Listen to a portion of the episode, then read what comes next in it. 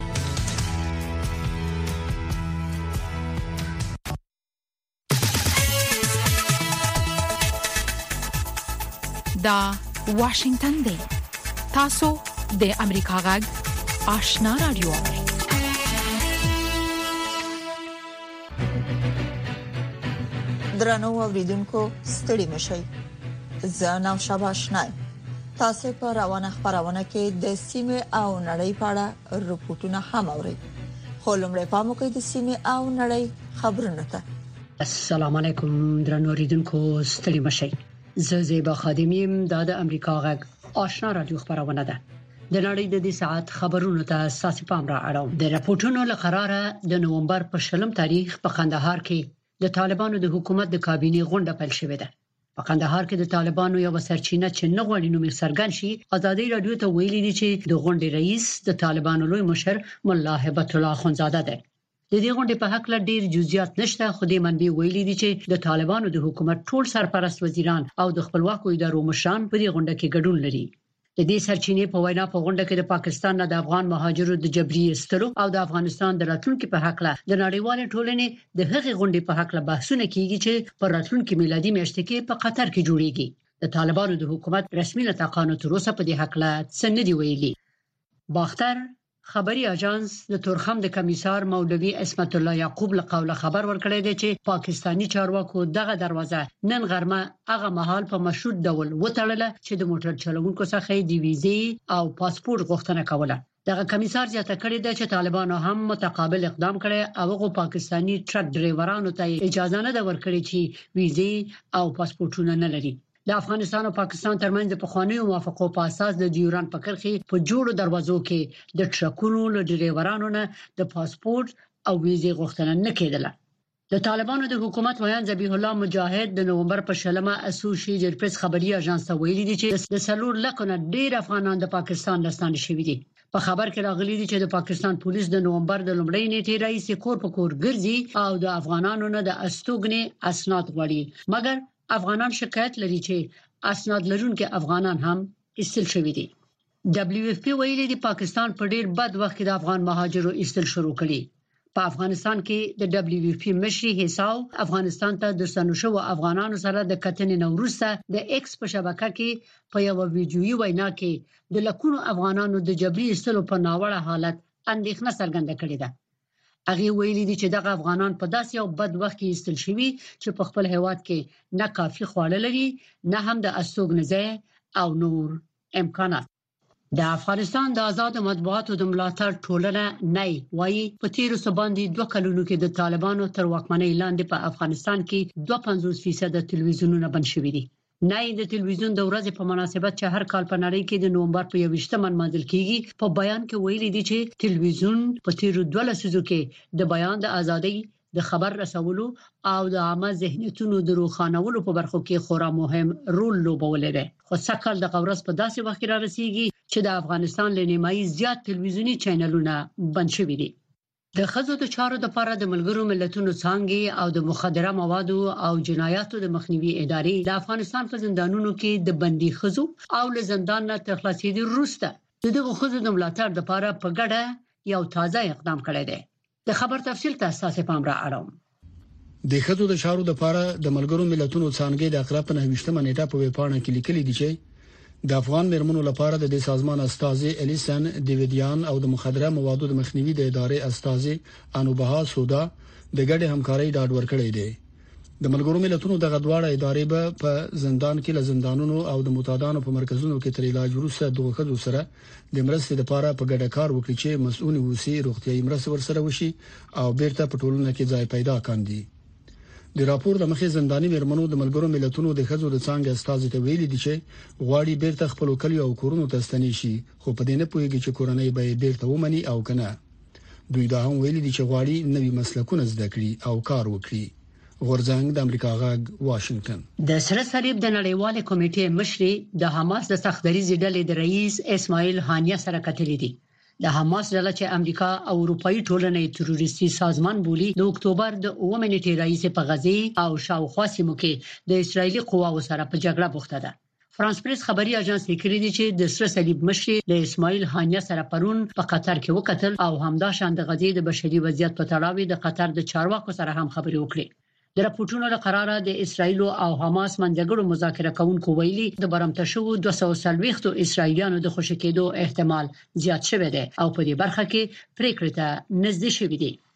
د جرمني د دفاع وزیر بوریس پټریوس ناڅاپه کیف ته په سفر تللی ښاغلی بوریس غواړي چې اوکراین ته د خپل ملک د مرستو ډاډ ورکړي د امریکا نه روسته جرمني د اوکراین سره په پوځي برخه کې دویم لوی مرستندوی ملک دی ښاغلی بوریس په داسې حال کې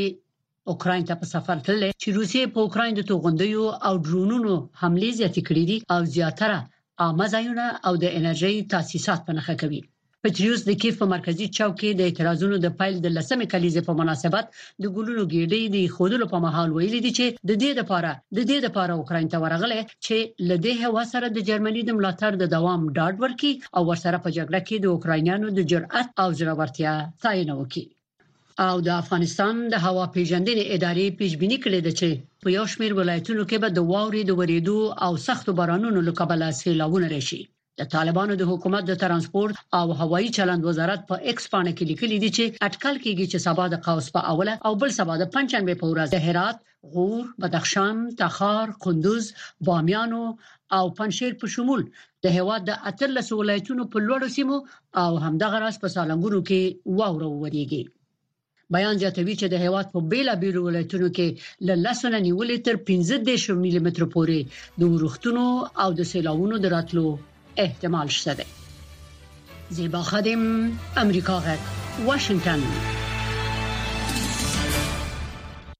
د سیمه او نړۍ خبرونه واوریدل په موقع د سیمه او نړۍ په اړه رپورټونه ده د ننګرهار په ولایت کې د طالبانو د حکومت د اطلاعات او فرهنګ ریاست وایي چې د تورخم دروازه د پاکستاني چارواکو لخوا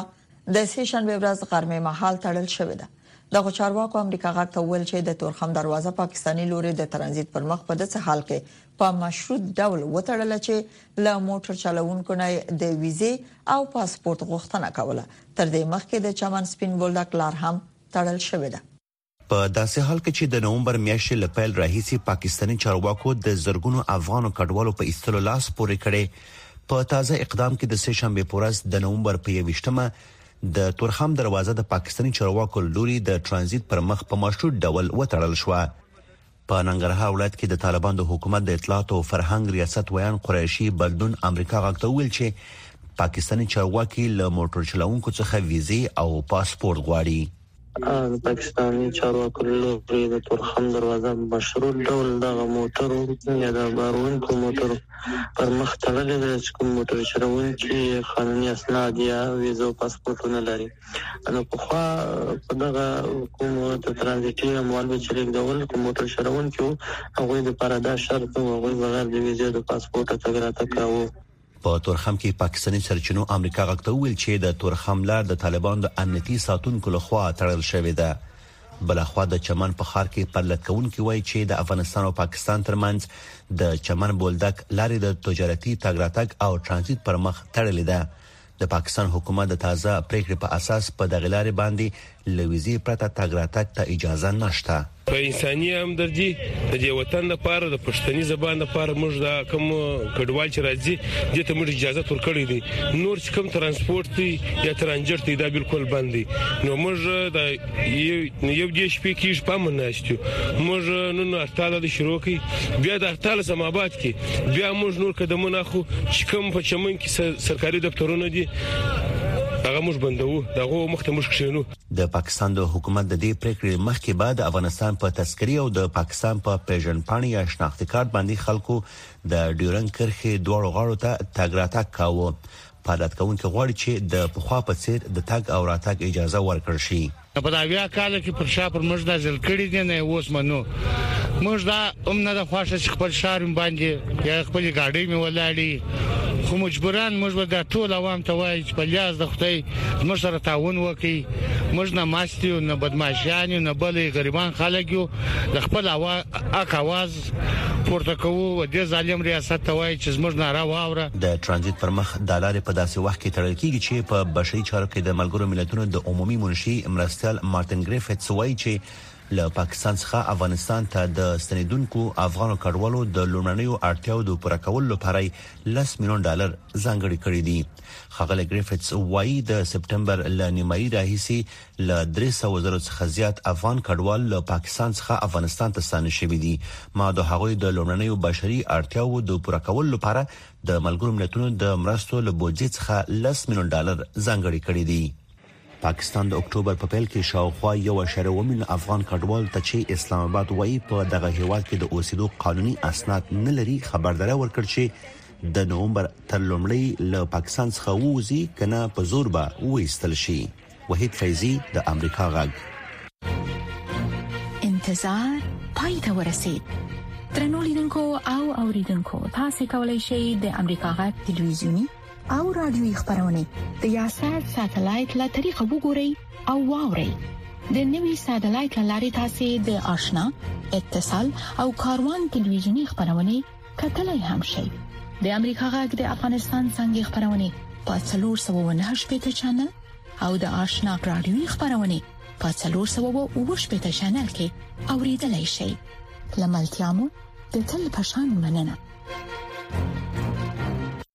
تاسو زموږ غږ د واشنگټن د سټډیو نه اورئ پاکستاني چارواکي وایي افغان طالبان باید د پاکستاني طالبانو په ضد اقدامات وکړي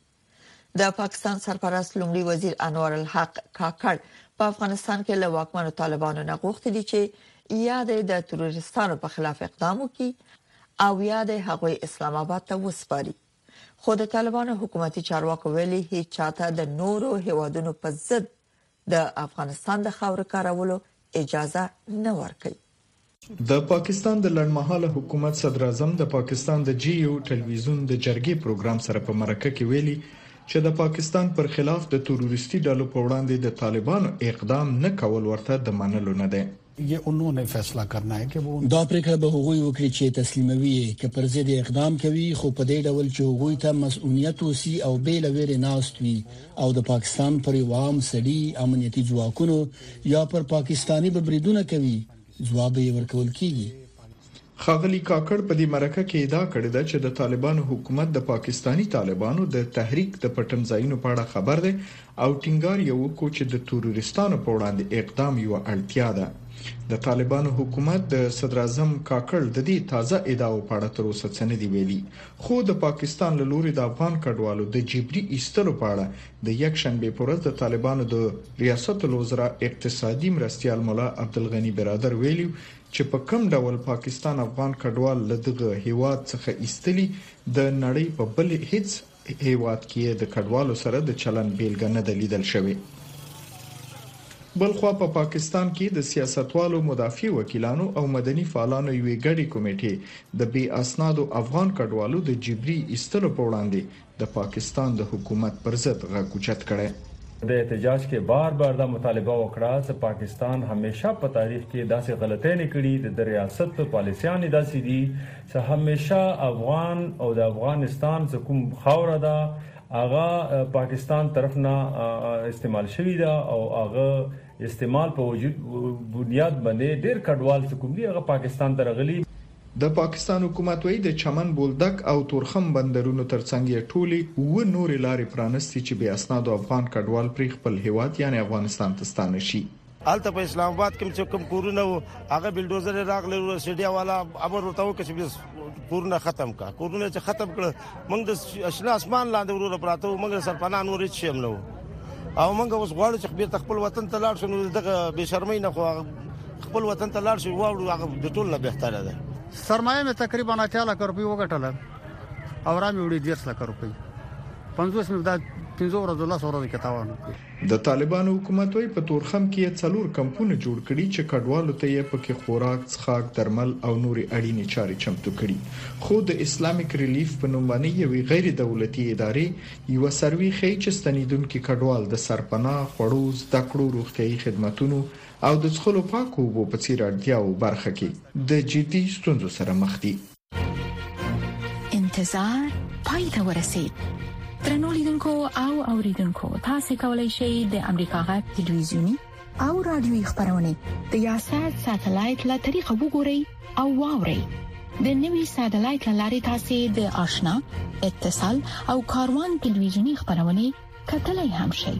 د امریکا غږ د افغانستان څنګه خبرونه په 398 چنل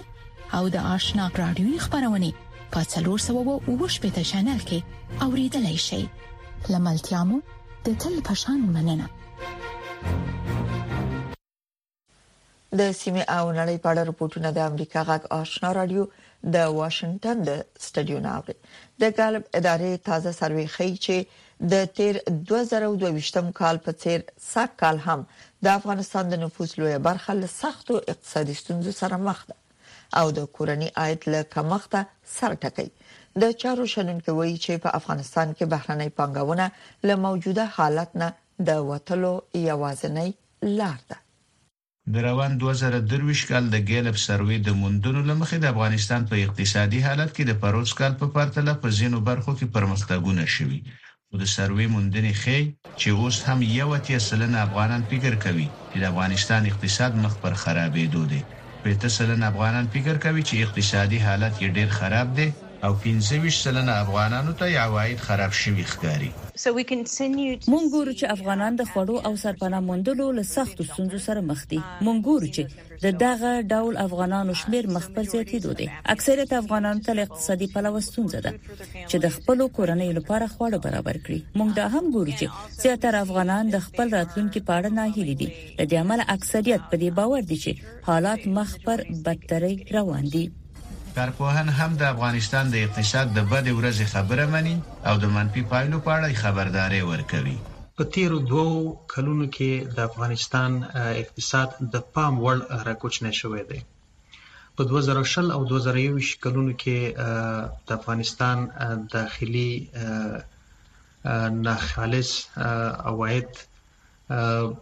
شاوخوا شل میلیارده ډالر سنجول شوي وو، ولې دغه رقم اوس څه باندې څوارلس میلیارده ډالر سنجول شوي دي. دا په دې معنا چې د افغانستان اقتصاد شاوخوا 15 سلنه راکم شوی دی یا په بل اصطلاح هر یو افغان په اوسط ډول سره 15 سلنه غریب شوی دی انګیرنه دا ده چې افغانستان ته له پاکستان څخه په لویه کچه د کډوالو ورستنیدل به د افغانستان پر اقتصاد فشار لا پسې زیات کړي. او د افغانستان اقتصاد چې اوس په راپورونو کې د ښکاری چې د رکود په لور روان دی او وړوکی کیږي په داسې حالت کې د افغانستان ته د نورو مهاجرینو بیرته راتګ په افغانستان کې اقتصادي حالت متاسفانه هغه سره مرستونه کی بلکې منفي اثرات په زیات شي خو آیا د افغانستان د اقتصادي وضعیت د بهترۍ لپاره کومه لاره موجوده ده؟ اقتصاد په ډیره ټیټه کچه کې دی. یقینا د افغانستان اقتصادي پانګې سترې پانګې اچونې ته اړتیا لري. لویو پروژو ته لکه سیمه ییزې پروژې چې درول شوې دي. لکه ټاپي چې له مرکزي اسیا څخه برېښنا او ګاز د افغانستان له لارې لیږدوي. د ګیلپ سږنۍ سروې ښيي چې یوازې درې سلنه افغانان فکر کوي چې دوی په ارامۍ سره په خپلو موجودو عوایدو ګوزاره کوي، اووه سلنه نورو افغانانو ته اوسنی وخت د دندو موندلو ښه وخت ښکاري او یوازې پنځه سلنه افغانانو ته خپل اقتصادي حالت بهتر برېښي. احمدالله ارچیوال، اشنا تلویزون، واشنګټن.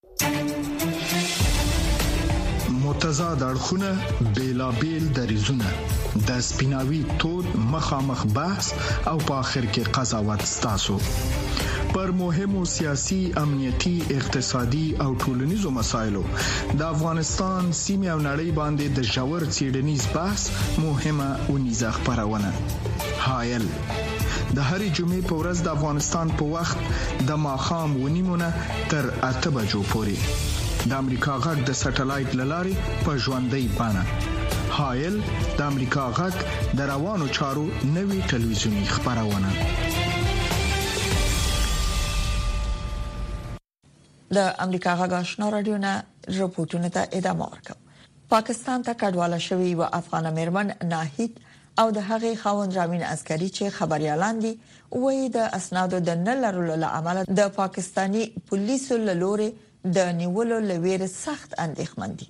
دغه جوړه وایي که افغانستان ته په جبري توګه ستانه شي د مرګ له ګواښ سره به مخ شي زموږ همکار مسکا صافی پرې رپورت برابر کړي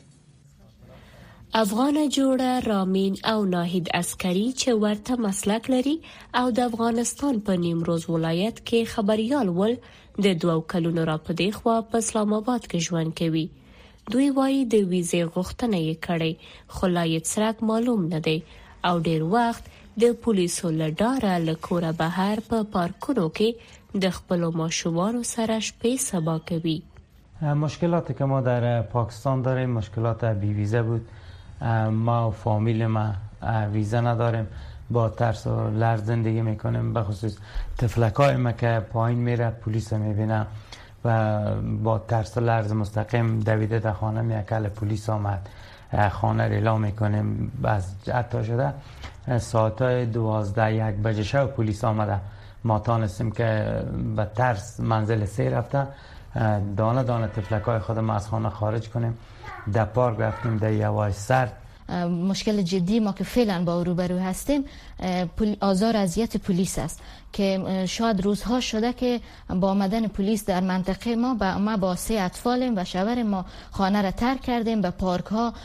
روزها را تا شام در اونجا سپری کردیم اگر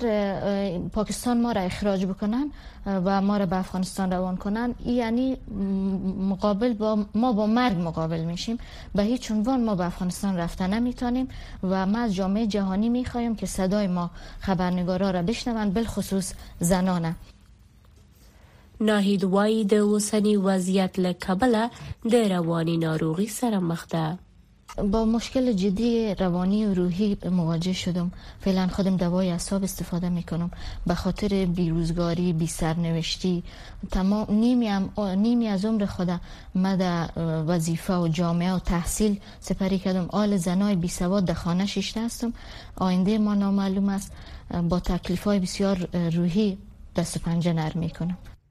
رامین عسکري چې و کاله په افغانستان کې خبریال وو وايي نړیوالې ټولنې د افغانستان رسنۍ له پامه غورځولي ما فکر میکنم که جامعه جهانی کلا رسانه های افغانستان رو فراموش کردن و نمیتونن که هیچ کمک بکنن رسانه های افغانستان که ماجر شدن در پاکستان چندین بار تجمعات های انجام دادن صدای خود کشیدن به گوش جهانیان رساندن که با مشکلات زیاد مواجه هستن ولی متاسفانه صدای این رسانه ها را صدای این خبرنگارا را هیچ کشوری و هیچ کس تاله نشنیده و فکر کنم که به فراموشی سپرده شدن د بې پولې خبريالانو د راپور لمخې دا مهال په پا پاکستان کې څه د پاسه 200 افغان خبريالان ژوند کوي چې د پاکستان لخوا افغانستان ته د ستنولو له ګواښ سره مخ دي د ناهید او رامین په څیر لسګونه افغان خبريالان په خپل هیواد کې د ناوړه وضعیت او د رسنیو د کارکونکو د ځپنې لویری پاکستان ته راګډول شوی خو دلته هم د امنیتي ستونزو له کبله خپل راتلونکی بې باور بولي. مصطفی ساپی، امریکا غږ، اسلام اباد. رپوټونو ته ادامه ورکوو. په متحده ایالاتو کې بیا د کال هغه وخت دی چې خلک د مننې یا شکرانې مراسم پر ځای کوي. هر کال په سپینه ماڼۍ کې ولسمشر ته یو یا دوه ژوندي فیلمرغان وړاندې کیږي. سږکال دا ورځ د ولسمشر جو بایډن د یو اتیاومې کلیزې سره پر یو وخت راغله نور حال په رپورت کې دا د فلمورخ یا خړتمی چرګ आवाज دی او دا شور کله خبريالانو سره هم تړلې کیږي د فیلمورخانو د مړی هډوکې د مننې یا شکرانې پورز په یخنۍ یا خوروا کې پخېږي خدا با د مینیسوټا څخه د لیبرټي او بیل په نوم فیلمورخانو سره نکېږي دا مرغان د کلمو یا تورو د پوهېدو نوې ستاینه لري پرېږده چې آزاد شي د ولسمشر له خوا د فیلمرغانو د بخښنې رسم هر کال د مننې یا شکرانې لمانځلو په اونۍ کې ترسره کیږي. دا د 1918مې لسیزه کې رواج شو. د شپږ اویا کالو راسي سپینې ماړۍ ته یو یا دوه فلمرغان ورکول کیږي. زه غواړم تاسو پوه شئ چې زه په لومړي سر کې نه وم. خو کېدای شي چې هغه په لومړی سر کې وو ځکه چې سږکال د فیلمورغانو د بخښنې په ورځ ولسمشر جو بایډن د یو اتیا کالو شو. زه لیبرټي او بیل بخښم. تېره میاشت بایډن د امریکا کلیوالو سیمو ته سفر کړی و او د هېواد د بزرګانو لپاره یې د پنځه میلیارډو ډالرو پانګو اعلان وکړو. مونږ امید او فرصت بیرته پر ځای کوو ترڅو د کورنۍ فارمونه په کورنۍ کې پاتې شي او ماشومان اړتیا نه لري چې کور پرېږدي که دوی غواړي په فارم کې پاتې شي او ژوند وکړي د فلمورغانو د بخنی مراسم په واشنگټن کې د رخصتۍ د غیر رسمي پیل نه خګړل کیږي او په دې ورځ پینمانه ډیره مصروفه وي شیناز نفیس امریکا غږ واشنگټن درنو اوریدونکو دا د اوس په یو سرمقاله ووري چې د امریکا د حکومت نظر څرګندوي د دفاع وزیر لیود استین د تازه وخت د امریکا هند دوا په دوا د وزیرانو په ساده په ډایلوګ کې څرګند کړه د عاجل او نړیوالو چیلنجونو په وخت کې د پخواله بل هر وخت نه دا مهمه ده چې د نړۍ دوه سترې دیموکراسي امریکا او هند نظریات تبادله کړي چې عام هدفونه پیدا کړي او خپل خلکو لپاره ورسوي امریکا او هند په تیر یو کال کې په خپل مهمه دفاعي انډیوالي کې موثره لاسته راوړنې کړې دي او دا به حتی د موږ سره په سوله او ثبات کې د برخې اخستلو مرسته وکړي موږ خپل صنعتي د سونه متحد کوو موږ خپل متقابل عمل قوي کوو او عصري ټکنالوژي شریکوو زموږ مخ په زیاتیدونکو توګه قوي روابط د دغه انډیوالۍ د راتلونکو لپاره موږ ته ټول هلي پیدا کوي او د دفاع وزیر استن ویل د نوري خوندي نړۍ په لور زموږ د ګډو کوششونو لپاره په حقیقت کې د بهرنیو چارو وزیر انټونی بلینکن څرګنده کړه چې جمهور رئیس جوی بایډن او صدر اعظم مودي ناریندرا د لوړې آرزو ایجنډا په ګوته کړه چې یو قوي او ډیره جامع ستراتیژي که انډیوالي منځ ته راوړي، موږ یوه ازاده او پرانستې، سوکاله، خوندي، غځېدونکې انډو پاسیفیک پیاوړې کوو چې په دې کې د څلور اړخیزو له لارې زموږ د انډیوالۍ قوي کول شامل دي. د جاپان او استرالیا سره یوه مهمه طریقه یې دا ده چې دغه کار سرته رسوو چې د بیړۍ چلونې پورې مربوط قلمرو د پوهاوی په زیاتولو سره په دغه سیمه کې د هیوادونو سره د تجارتي مصنوعي سپوږمۍ ډاټا شریکوو چې د مثال په ډول د دوی ظرفیت قوي کوو چې د غیر قانوني کب نیونې سمندري غدۍ او د مخدره موادو د قاچاق سره مبارزه وکړي موږ بشري مرسته او ملاتړ هم منظم کوو او په انډو پیسفیک کې د ناورین او بوختو کوششونو ته ځواب وایي د بهرنیو چارو وزیر بلینکن څرګنده کړه په اقتصادي برخه کې امریکا او هند په نوښت باندې تمرکز وکړه.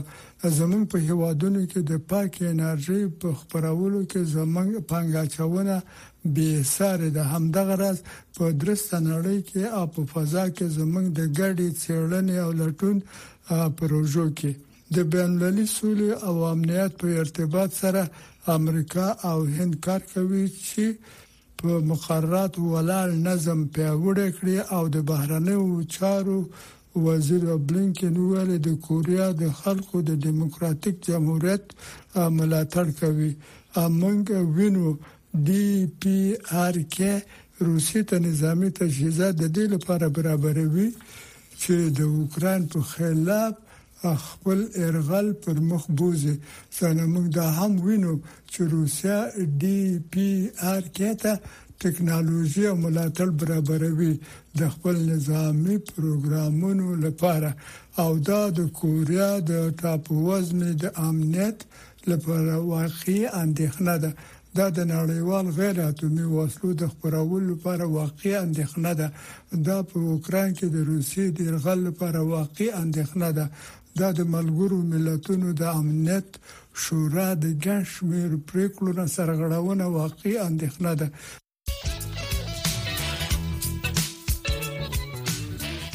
درنو اوریدونکو خبرونه په هم دي چې پای ته ورسیده